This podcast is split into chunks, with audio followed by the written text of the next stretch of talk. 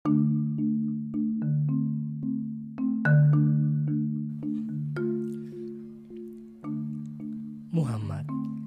Kisah hidup Nabi berdasarkan sumber klasik.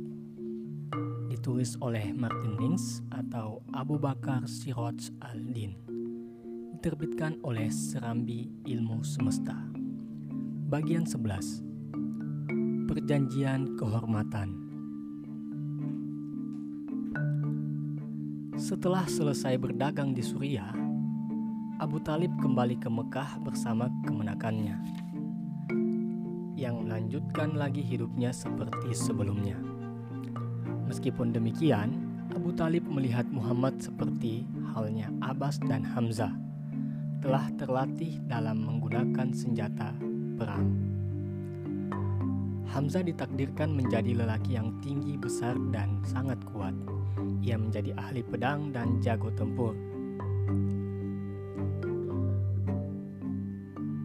Postur Muhammad dan kekuatannya sedang ia ahli dalam memanah dan sangat berbakat menjadi seorang pemanah ulung seperti nenek moyangnya, Ibrahim dan Ismail.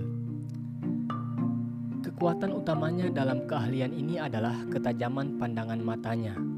Ia memiliki reputasi dapat menghitung 12 bintang dari konstelasi Pleiades pada tahun-tahun tersebut, kaum Quraisy tidak terlibat dalam pertempuran mana pun kecuali konflik hebat yang terjadi secara sporadis dan sebentar-sebentar.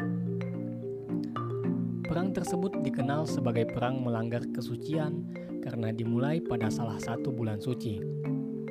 Seorang Kinanah yang tak bertanggung jawab membunuh seorang lelaki, Amir, salah satu suku Hawazin dan Najj Orang itu lalu melarikan diri ke dalam benteng kota Kaibar yang kokoh.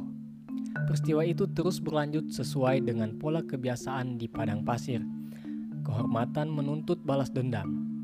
Karena itu, suku pihak terbunuh menyerang Kinanah sebagai suku pihak pembunuh, dan Quraisy ikut terlibat sebagai sekutu Kinanah. Konflik tersebut berlangsung selama tiga atau empat tahun, kendati yang benar-benar bertempur hanya lima hari. Pada saat itu, pemimpin Bani Hashim adalah Zubair, saudara kandung ayah Muhammad. Seperti juga Abu Talib, Zubair dan Abu Talib membawa serta keponakannya dalam salah satu pertempuran tersebut. Tetapi mereka menganggap Muhammad masih terlalu mudah untuk ikut bertempur. Maka, ia hanya diizinkan membantu mengumpulkan panah-panah musuh yang meleset dan memberikan kepada pamannya agar dapat digunakan kembali untuk menyerang balik. Namun, pada salah satu pertempuran di mana Quraisy dan sekutunya mengalami hari yang paling buruk, Muhammad diizinkan untuk menunjukkan kemampuannya sebagai pemanah, yang kemudian dipuji karena kehebatannya.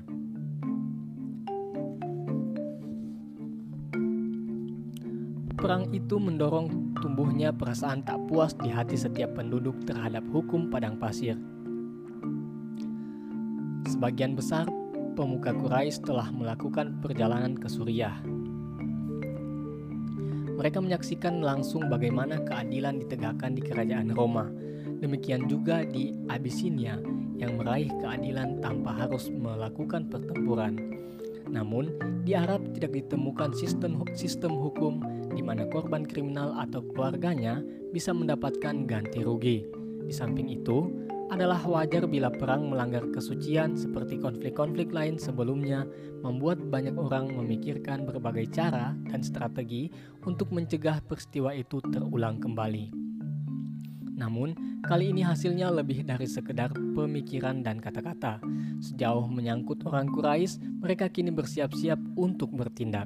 Dan rasa keadilan mereka diuji dengan peristiwa memalukan yang terjadi di Mekah pada minggu-minggu pertama setelah pertempuran berakhir. Seorang pedagang dari pelabuhan Yemeni, Yemeni di Zabit menjual barang-barang berharga kepada seorang terkemuka dari Bani Sam. Setelah mengambil barang-barang tersebut, orang Sam itu tidak mau membayar harga yang dijanjikan. Pedagang yang dirugikan itu seperti yang diketahui persis oleh pembeli yang curang itu adalah orang asing di Mekah dan tidak memiliki teman atau pelindung yang dapat dimintai bantuan. Namun, ia tidak takut terhadap perlakuan curang orang lain. Lalu, sambil berdiri di tebing Abu Kubais dengan lantang, fasih, dan berapi-api, ia menyeru kaum Quraisy agar keadilan ditegakkan. Tanggapan segera datang dari kebanyakan kabilah yang tidak memiliki ikatan persekutuan dengan Sam. Quraisy menghendaki semuanya agar bersatu padu tanpa memihak pada satu kabilah. Namun, sebagai ketentuan Quraisy dalam persat namun sebagai keturunan Quraisy dalam persatuan tersebut masih terdapat sebuah ketegangan akut yang memecah mereka menjadi dua kelompok, kelompok Harum dan kelompok Sekutu. Serta Sam adalah bagian dari kelompok kedua, salah seorang pemimpin di kelompok pertama dan juga seorang yang terkaya di Mekah saat itu adalah pemimpin Taim, Abdullah ibnu Jud'an. Kini ia menawar Kini ia menawarkan rumah luasnya sebagai tempat pertempuran bagi semua pecinta keadilan. Hanya Bani, hanya Bani Abdul Al-Syams dan Naufal yang tidak hadir, sementara Bani Hasim, Bani Mutalib, Bani Zuhra, Bani Asad, dan Bani Taim semuanya terwakili, serta ke dalam mereka serta ke dalam mereka kini bergabung Adi, salah satu kabilah dari kelompok sekutu. Keputusannya setelah melalui diskusi serius diperlukan adanya suatu aturan kehormatan untuk menegakkan keadilan dan melindungi yang lemah. Mereka pun pergi bersama ke Ka'bah di sana mereka menyiramkan air ke atas Hajar Aswad. Air itu dibiarkan jatuh mengalir ke dalam suatu wadah. Kemudian masing-masing meminum air yang disucikan itu. Dengan meletakkan tangan kanan di atas kepala, mereka berikrar bahwa setiap terjadi kejahatan di Mekah, mereka akan bersatu padu menegakkan keadilan, melawan pihak yang menganiaya, dan membela pihak yang teraniaya tanpa memandang mereka berasal dari Quraisy atau dari luar kota. Orang Sam itu kemudian dipaksa membayar utangnya dan tidak satupun kabilah yang abstain dalam perjanjian itu menawarkan bantuan mereka. Bersama pemimpin Bani Taim, Zubair dan Bani Hashim merupakan salah seorang penggagas aturan ini. Ia membawa serta kemenakannya Muhammad yang turut berikrar. Beberapa tahun kemudian Muhammad menuturkan aku hadir di rumah Abdullah ibnu Abdullah ibnu Jud'an pada pembuatan perjanjian yang istimewa. Aku tidak akan menggantikan keikutsertaanku itu dengan demi segerombol unta merah. Dan jika sekarang dalam Islam aku diundang untuk menghadirinya, aku akan dengan senang hati menyambutnya. Dalam kesempatan itu, hadir pula sepupu tuan rumah mereka, Abu Kuhafah dari Bani Taim, bersama putranya Abu Bakar. Usianya satu atau dua, tahu, dua tahun lebih muda dari Muhammad dan di kemudian hari menjadi sahabat terdekatnya.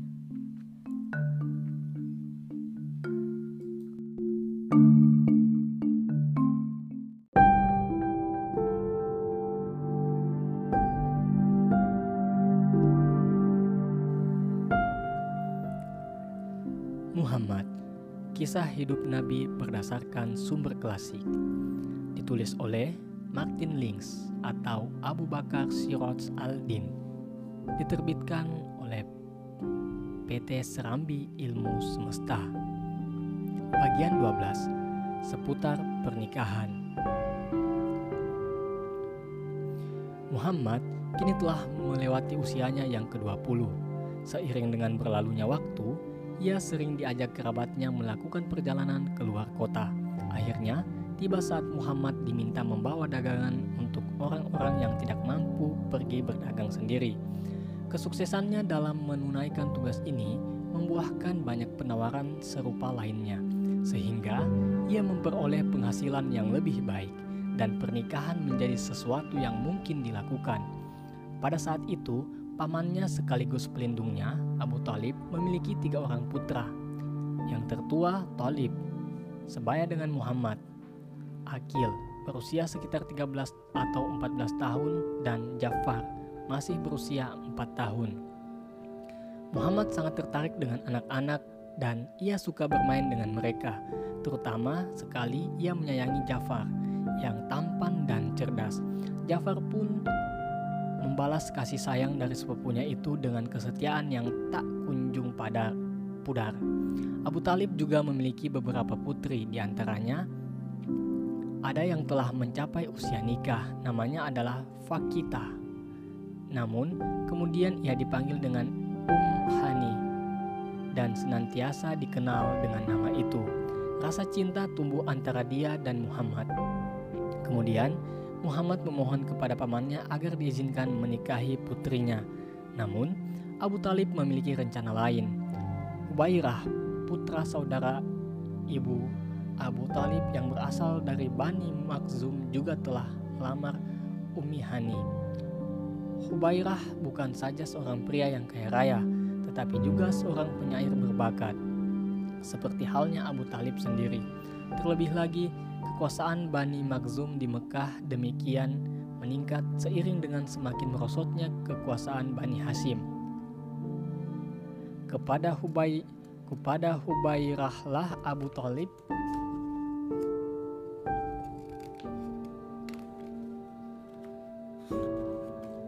menikahkan putrinya, Umi Hani. Ketika kemenakannya kembali mendekatinya dengan lembut, Abu Talib hanya menjawab, mereka telah menyerahkan putri mereka untuk kita kawini. Tak diragukan, ia merujuk ke ibunya sendiri. Maka, seorang pria yang baik, yang baik berusaha membalas kebaikan mereka. Jawaban itu sebenarnya tidak memuaskan, tetapi Muhammad menerima pernyataan pamannya tersebut. Dengan sopan, ramah, dan lapang dada, ia mengakui bahwa dirinya belum siap untuk menikah. Itulah yang diputuskan untuk dirinya. Namun, keadaan yang tidak diduga segera mengubah pikirannya.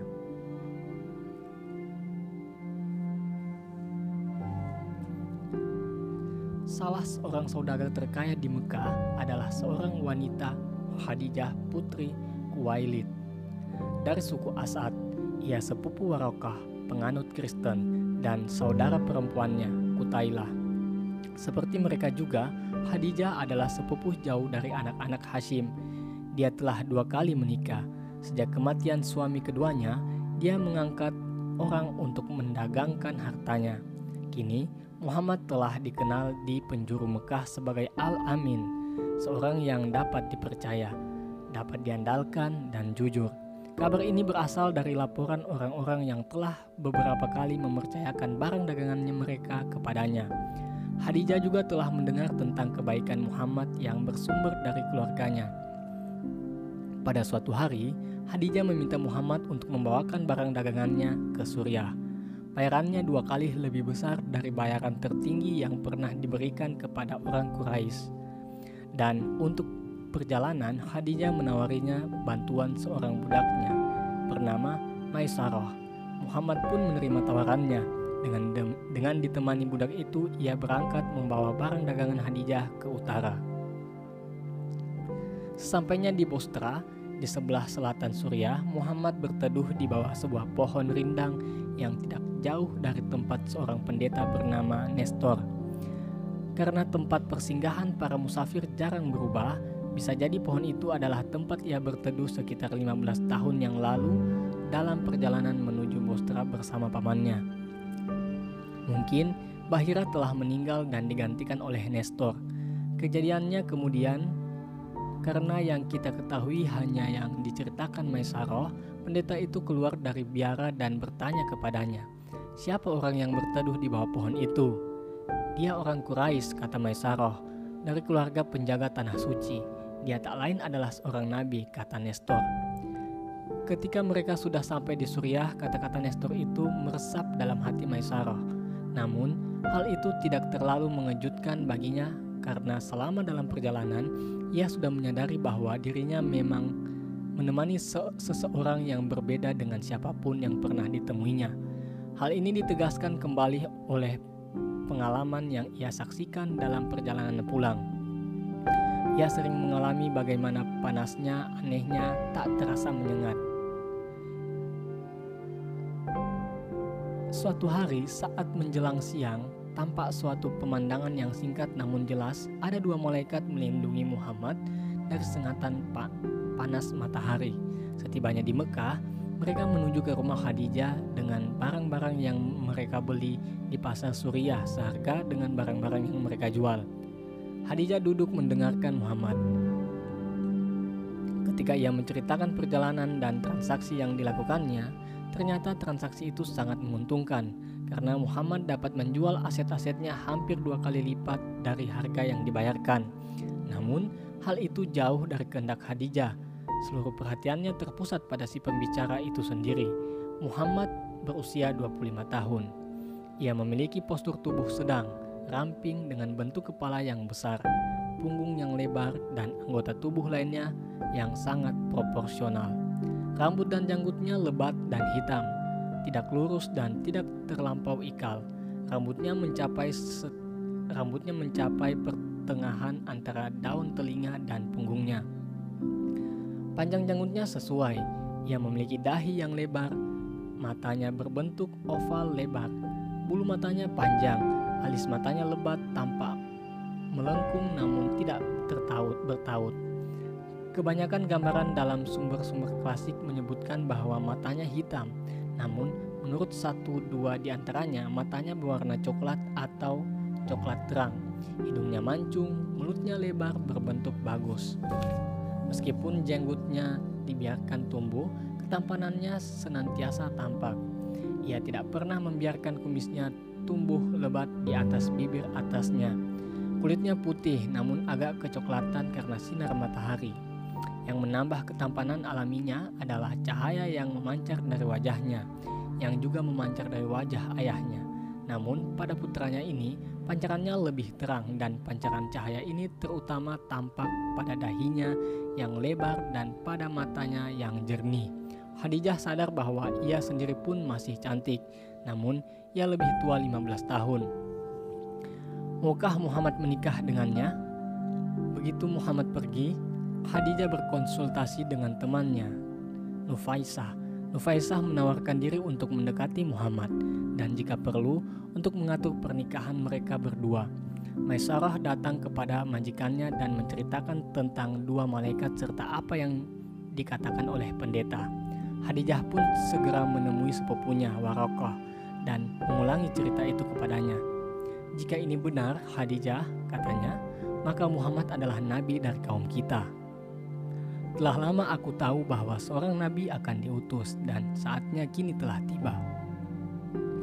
Pada saat yang sama, Nufaisah datang kepada Muhammad dan menanyakan mengapa ia belum menikah. Aku tidak memiliki apa-apa untuk dapat berumah tangga, jawabnya. Jika ada seorang wanita yang cantik, kaya, terhormat, dan berlimpah harta, apakah engkau bersedia? Kata, Nufa, kata Nufas, Nufaisah. Siapakah dia? Khadijah, bagaimana aku dapat menikahinya? Serahkan hal itu padaku. Baiklah, dari pihakku bersedia. Nufaisah kembali kepada Khadijah menyampaikan beritanya. Kemudian Khadijah menyuruh Nufaisah memanggil Muhammad agar datang kepadanya. Setelah ia datang, Khadijah berkata, "Putra pamanku, aku mencintaimu karena kebaikanmu padaku, juga karena engkau selalu terlibat dalam segala urusan di tengah masyarakat." Tanpa menjadi partisan, aku menyukaimu karena engkau dapat diandalkan. Juga karena keluruh, keluruh, keluhuran budi dan kejujuran perkataanmu. Kemudian, Khadijah, Khadijah menawarkan dirinya untuk dinikahi. Mereka pun sepakat agar masing-masing berbicara kepada pamannya. Khadijah berbicara kepada pamannya, Amir putra As'ad, karena Kuwailid ayahnya telah meninggal dunia. Pada kesempatan tersebut, Hamzahlah yang diutus Bani Hashim untuk mewakili mereka. Meskipun relatif masih muda, Hamzah adalah yang paling dekat hubungannya dengan Bani As'ad. Karena saudara perempuannya, karena saudara perempuan kandungannya Safiyah menikah dengan saudara lelaki Khadijah, Awam. Maka Hamzah membawa keponakannya menemui Amir dan melamar Khadijah. Kesepakatan dicapai di antara mereka bahwa Muhammad harus memberinya mahar 20 ekor unta betina.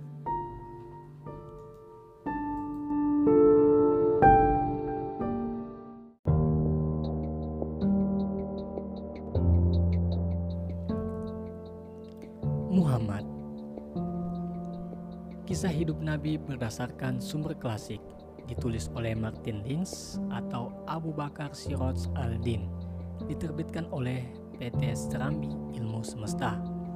Bagian 13, Rumah Tangga. Pengantin pria meninggalkan rumah pamannya dan tinggal di kediaman pengantin wanita. Selain berperan sebagai istri yang baik, Khadijah juga menjadi sahabat bagi suaminya tempat berbagi sukacita hingga pada tingkat yang luar biasa. Pernikahan mereka sangat diberkahi dan penuh kebahagiaan, meskipun bukan berarti tidak pernah sedih atau merasa kehilangan. Bersama Muhammad, Khadijah melahirkan enam anak, dua putra dan empat putri. Putra sulungnya diberi nama Qasim dan Muhammad segera dikenal sebagai Abu Al-Qasim, ayah Qasim. Namun anak itu meninggal sebelum berusia dua tahun. Berikutnya seorang putri bernama seorang putri dinamai Zainab, lalu disusul dengan tiga putri lainnya Rukayah, Umi Kalsum, dan Fatimah. Dan yang terakhir, seorang putra lagi yang juga tidak berusia panjang. Pada hari pernikahannya, Muhammad mem memerdekakan Barokah, budak setia yang ia warisi dari ayahnya. Pada hari yang sama, Hadijah menghadiahi Muhammad salah satu budaknya sendiri, seorang remaja berusia 15 tahun bernama Zaid. Selanjutnya, pasangan pengantin baru ini menikahkan Barokah dengan pemuda Yastrib yang kemudian dikaruniai seorang anak lelaki. Dan dengan anak itulah ia kemudian dikenal sebagai Um Am, Ummi Aiman, Ibu Aiman. Zaid dan Beberapa pemuda lainnya baru saja dibeli dengan harga mahal dari Ukas oleh keponakan Khadijah. Hakim, putra saudaranya, Hizam. Pada saat dikunjungi Khadijah, Hakim memanggil budak-budak barunya dan mempersilahkan bibinya itu untuk memilih salah seorang di antara mereka. Khadijah ke kemudian memilih Zaid. Zaid bangga dengan leluhurnya, ayahnya, Haritsah, berasal dari Kalb, suku besar dari utara yang wilayahnya terbentang di antara daratan Suriah dan Irak. Ibunya berasal dari Tai, suku tetangga yang tidak kalah terkenalnya, di mana salah seorang pemimpinnya pada waktu itu adalah Hatim, seorang penyair kenamaan yang termasyur di seluruh penjuru Arab karena kesat karena kese karena kesatriaan dan kedermawanannya yang legendaris.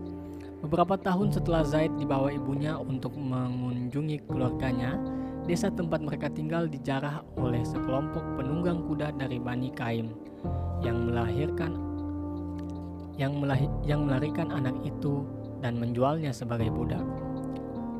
Haritsah ayahnya sudah lelah mencarinya, sementara Zaid sendiri tidak menjumpai musafir dari Kalb yang dapat menyampaikan kabar kepada orang tuanya. Namun, Ka'bah dikunjungi para jemaah haji dari semua wilayah Arab. Suatu hari selama musim suci, beberapa bulan setelah Zaid menjadi pelayan Muhammad, ia melihat beberapa orang dari suku dan kabilahnya di jalanan Mekah. Seandainya ia bertemu dengan mereka beberapa tahun lalu, tentu perasaannya akan sangat berbeda. Ia telah merindukan pertemuan itu, namun sekarang ia bingung. Ia tidak dapat membiarkan begitu saja keluarganya tanpa memberitahukan keberadaannya. Tetapi, pesan apa yang dapat disampaikan kepada mereka? Apa pun dasarnya, ia tahu sebagai seorang putra padang pasir, sebuah syair akan cukup untuk situasi seperti itu. Ia mengubah beberapa syair yang meng yang mengungkapkan pikirannya, namun melampaui yang diekspresikan. Kemudian, ia mendekati para jemaah haji dari suku Kalb itu. Setelah memberi memberitahu mereka siapa dirinya, ia berkata, Sampaikanlah syair ini kepada keluargaku, karena aku tahu mereka merindukanku. Meski aku jauh, sampaikanlah kata-kataku kepada kaumku. Pada rumah suci aku menetap, di tempat di mana Tuhan disucikan hilangkan segala derita yang engkau hadapi. Tak perlu ada unta-unta kelelahan bersegera kepadaku, karena aku, puji Tuhan, berada pada yang terbaik dari keluarga-keluarga terhormat dalam barisan yang agung. Ketika para jemaah Kalb kembali pulang dengan membawa kabar itu, Haritsah langsung berangkat ke Mekah bersama saudaranya, Kab. Mereka pergi menemui Muhammad dan memintanya agar diperbolehkan menebus Zaid dengan harga berapapun yang ia minta. Biarkanlah ia memilih, kata Muhammad. Dan jika ia memilihmu, ia akan menjadi milikmu tanpa tebusan. Tapi jika ia memilihku, aku tidak akan menolak siapa saja yang memilihku. Kemudian, Beliau memanggil Zaid dan bertanya, apakah ia mengenal kedua orang itu? Ini ayahku, katanya, dan ini pamanku. Engkau sangat mengenalku, kata Muhammad, dan engkau telah menyaksikan perlakuanku kepadamu. Maka, kamu pilihlah antara aku dan mereka. Zaid menetapkan pilihan dan seketika ia itu ia berkata, Aku tidak akan memilih siapa pun selain engkau. Bagiku, engkau laksana ayah dan ibu. Keterlaluan engkau Zaid, seru kedua orang kalb itu.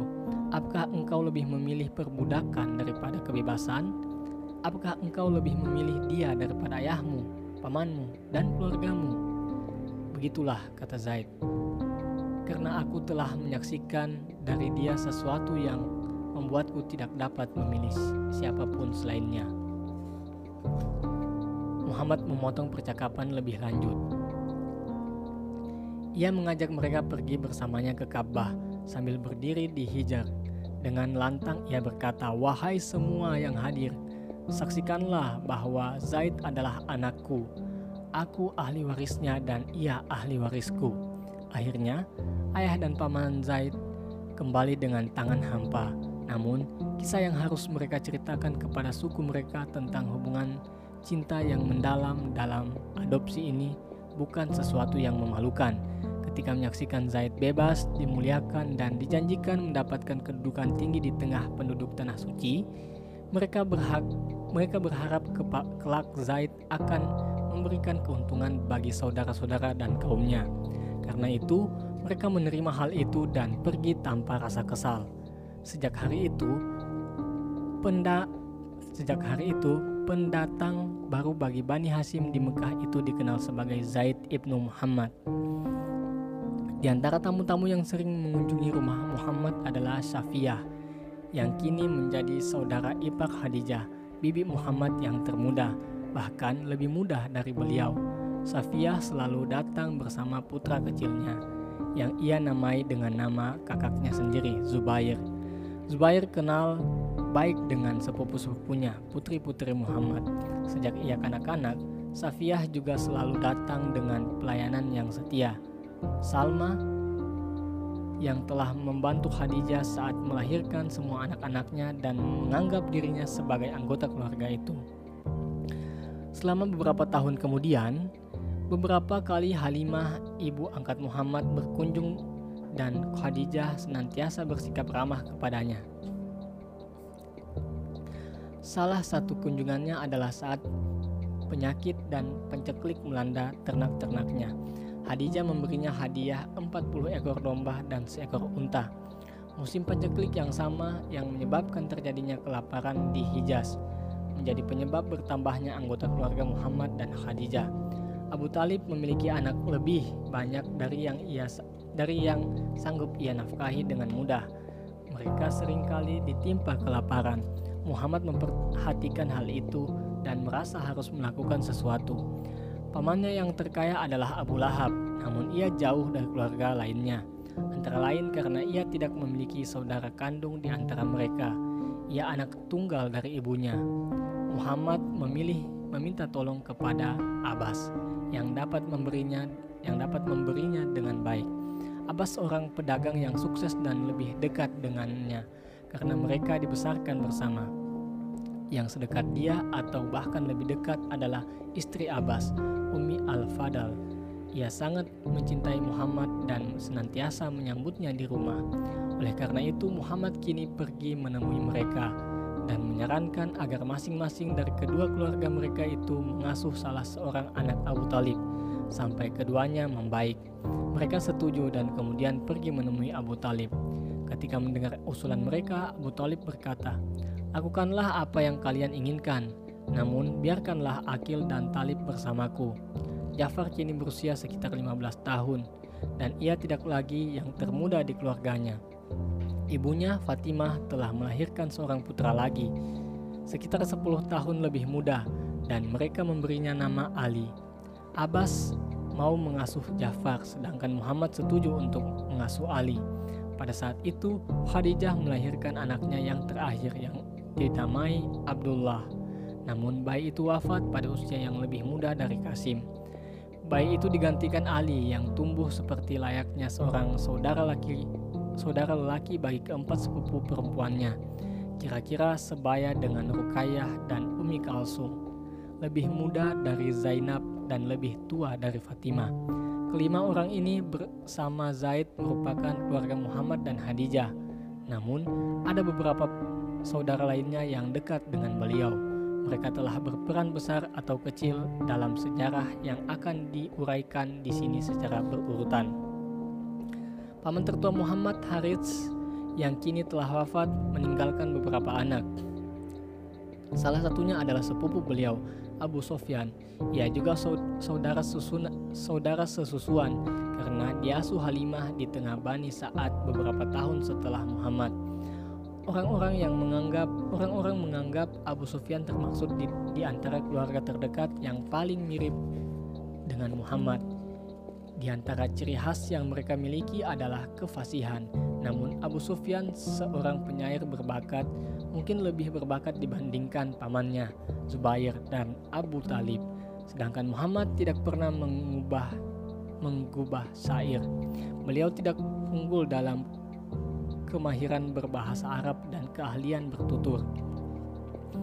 Muhammad menganggap Abu Sufyan yang yang kurang lebih sebaya dengannya sebagai teman dan sahabat. Sedikit lebih dekat karena ikatan persaudaraan di antara mereka adalah anak-anak dari saudara-saudara perempuan ayahnya, yaitu lima putri Abdul Al-Muttalib. Di antara sepupu-sepupunya yang tertua ini adalah anak-anak Umayyah, bibinya. Umayyah menikah dengan Jasi, berasal dari suku Asad, suku Arab Utara. Jasi memiliki sebuah rumah di Mekah dan seseorang yang tinggal di tengah suku lain dapat dengan yang tinggal di tengah suku lain dapat dengan aliansi mutual menjadi sekutu dari salah satu anggota suku tersebut yang bergabung untuk saling berbagi hak dan kewajiban. Harb yang kini menjadi pemimpin Bani Umayyah cabang kabilah Abdul Al-Syams telah mengangkat Jahsi, Jahsi sebagai sekutunya. Maka dengan menikahi Jahsi, berarti Umayyah telah bergabung dengan Bani Abdul Al-Syams, putra sulung mereka diberi nama Abdullah. Berusia sekitar 12 tahun lebih muda dari Muhammad. Kedua sepupu ini saling menjalin kasih sayang yang erat. Putri Umayyah, Zainab, beberapa tahun lebih muda dari Abdullah adalah gadis yang cantik jelita. Muhammad telah mengenal dan mencintai mereka berdua sejak masih anak-anak. Demikian pula dengan yang lain, terutama Abu Salamah, putra bibinya Barah. Pesona daya tarik yang terpusat pada Al-Amin, demikian beliau sering dipanggil, jauh melebihi keluarganya sendiri. Hadijah bersamanya dalam pusat itu, dicintai dan dihormati oleh semua yang berada dalam lingkaran luas cahaya mereka. Sebuah lingkaran yang juga memasukkan beberapa kerabat Khadijah sendiri, terutama yang dekat dengannya, adalah saudara perempuannya Halah, yang putranya Abu Al-As kerap berkunjung ke rumahnya. Khadijah mencintai keponakannya itu seperti anaknya sendiri, karena karena selalu meminta tolong dan nasihat. Halah meminta Khadijah untuk mencarikan seorang istri untuk putranya. Ketika Khadijah berkonsultasi dengan suaminya, beliau mengajukan putri mereka Zainab yang mendekati usia pernikahan. Ketika waktunya tiba, mereka pun dinikahkan. Harapan Bani Hashim dan Bani Mutalib, kedua kabilah ini secara politis dianggap satu, terletak pada pundak Muhammad untuk memulihkan kembali pengaruh mereka. Tetapi, lebih dari semua persoalan klan, beliau telah dipertimbangkan oleh para pemuka Quraisy sebagai sosok yang paling mampu menggantikan mereka dalam memegang tanggung jawab mempertahankan kehormatan dan kekuasaan Quraisy di seluruh jazirah Arab.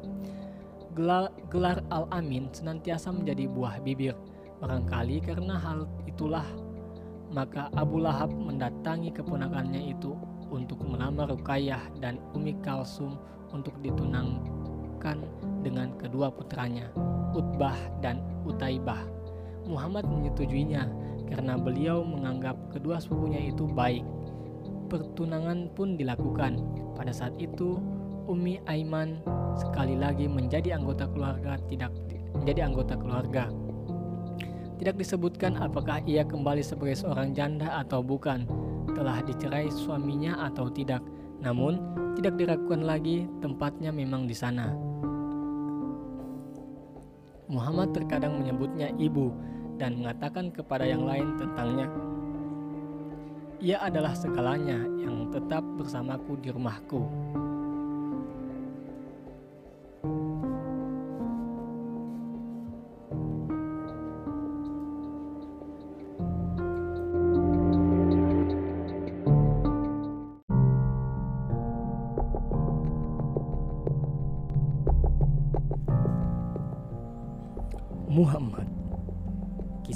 Nabi berdasarkan sumber klasik.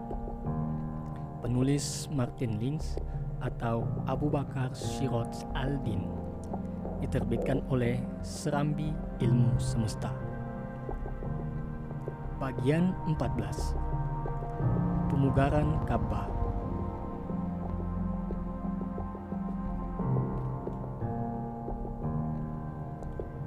Sebelum kejadian-kejadian yang disebut terakhir itu, kira-kira saat Ali dibawa ke dalam keluarga Muhammad, ketika Muhammad berusia sekitar 35 tahun, Quraisy memutuskan untuk membangun kembali Ka'bah.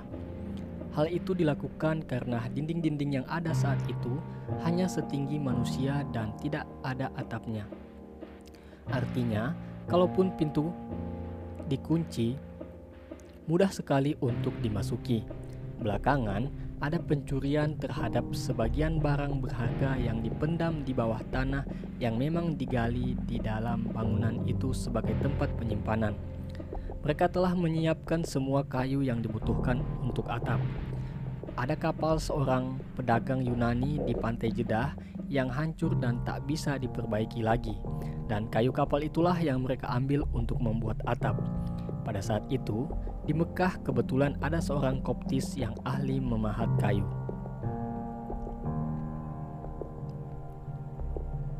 Namun demikian, karena sangat menghormati Ka'bah, mereka ragu-ragu melakukannya. Rencananya, dinding-dinding yang terdiri atas batu-batu lepas akan dipugar dan akan dibangun kembali secara utuh. Tetapi, mereka takut ditimpa bencana karena melanggar kesucian.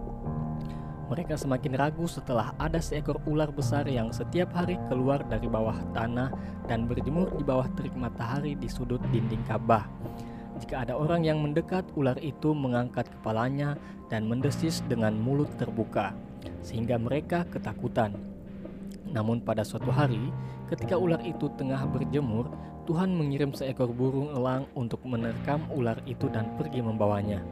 Karena itu kaum Quraisy berkata di antara mereka sendiri, "Kini kita boleh berharap Tuhan merestui maksud kita. Kita mempunyai seorang pemahat yang sehat, yang sehati dengan kita. Kita juga punya kayu dan Tuhan telah membebaskan kita dari ular itu." Orang pertama yang mengangkat batu dari atap salah satu dinding Ka'bah adalah Abu Wahab dari Bani Makhzum, saudara Fatimah, nenek Muhammad. Tetapi begitu diangkat batu itu terlepas dari tangannya dan kembali ke tempat semula. Mereka semua langsung menyingkir dari Ka'bah dan takut untuk meneruskan rencana mereka.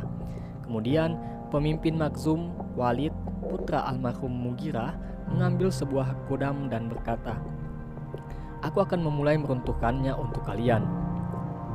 Lalu ia menuju Ka'bah dan berkata, Ya Tuhan, jangan takut, Ya Tuhan, kami hanya menghendaki kebajikan. Lantas, ia merobohkan bagian dinding di antara Hajar Aswad dan sudut Yamani, yaitu dinding sebelah tenggara. Orang-orang lainnya mundur, biarlah kita lihat dulu, kata mereka.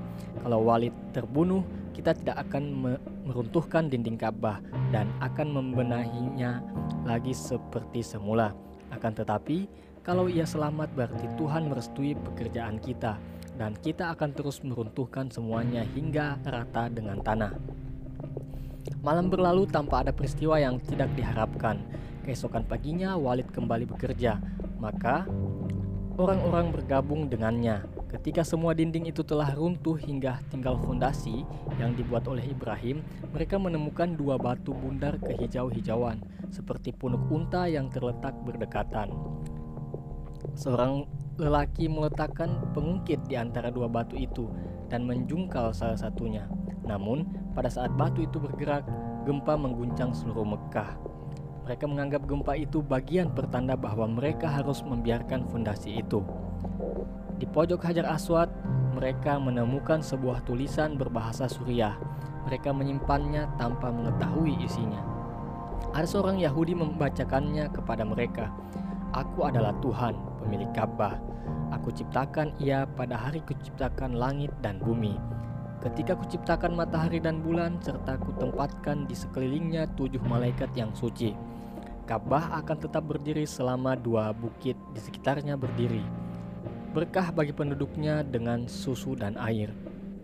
Tulisan lainnya ditemukan di dalam makam Ibrahim, sebuah batu kecil di dekat pintu Ka'bah yang secara ajaib terdapat cetakan bekas telapak kaki Ibrahim. Mekah adalah rumah Tuhan yang suci. Para perziarahnya datang dari tiga penjuru. Jangan biarkan kaumnya menjadi orang pertama yang mencemarinya. Kini kaum Quraisy mengumpulkan batu lebih banyak lagi sebagai tambahan dari yang telah ada. Untuk mempertinggi bangunannya, setiap kabilah bekerja sesuai pembagian tugas yang telah ditetapkan. Setelah dinding-dinding itu cukup tinggi, sampailah pada tahap peletakan kembali Hajar Aswad di pojoknya. Perdebatan pun merebak di antara mereka. Setiap kabilah ingin mendapat kehormatan, mengangkat Hajar Aswad dan meletakkan pada tempatnya semula. Perselisihan berlangsung selama empat atau lima hari. Ketegangan itu pun memuncak sampai muncul kubu-kubu dan nyaris terjadi pertumpahan darah. Salah seorang yang tertua usianya di antara orang Quraisy mengajukan solusi. Ia berkata, "Wahai kaum Quraisy, untuk mengakhiri pertengkaran yang terjadi di antara kalian, tunjuklah seorang penengah dari orang pertama yang memasuki gerbang masjid pada hari ini." Wilayah di sekitar Ka'bah disebut masjid. Dalam bahasa Arab, masjid adalah tempat bersujud, karena ritual sujud kepada Tuhan menghadap ke rumah suci itu telah dilakukan dari sana sejak zaman Ibrahim dan Ismail. Mereka setuju dengan usulan orang tua itu. Ternyata, orang yang pertama kali masuk ke masjid adalah Muhammad, yang baru saja kembali ke Mekah. Melihat kehadirannya, mereka serentak dan spontan mengakui bahwa Muhammad adalah orang yang tepat untuk tugas itu. Kedatangannya disambut dengan ekspresi kepuasan. Dialah Al-Amin, kata beberapa orang. Kita rela menerima putusannya. Kata yang lain, dia adalah Muhammad. Ketika duduk persoalan telah dijelaskan, beliau berkata, Berikanlah kepadaku selembar selimut. Setelah mereka memberikannya, beliau membentangkan selimut itu di tanah lalu beliau mengambil dan meletakkan hajar aswad di tengah kain itu. Silakan, setiap kabilah memegang ujung selimut itu, katanya. Kemudian mereka secara serentak mengangkat batu itu. Setibanya di tempat penyimpanan hajar aswad, Muhammad mengambil batu itu lalu meletakkannya di pojok. Pemugaran Ka'bah pun dilanjutkan hingga selesai.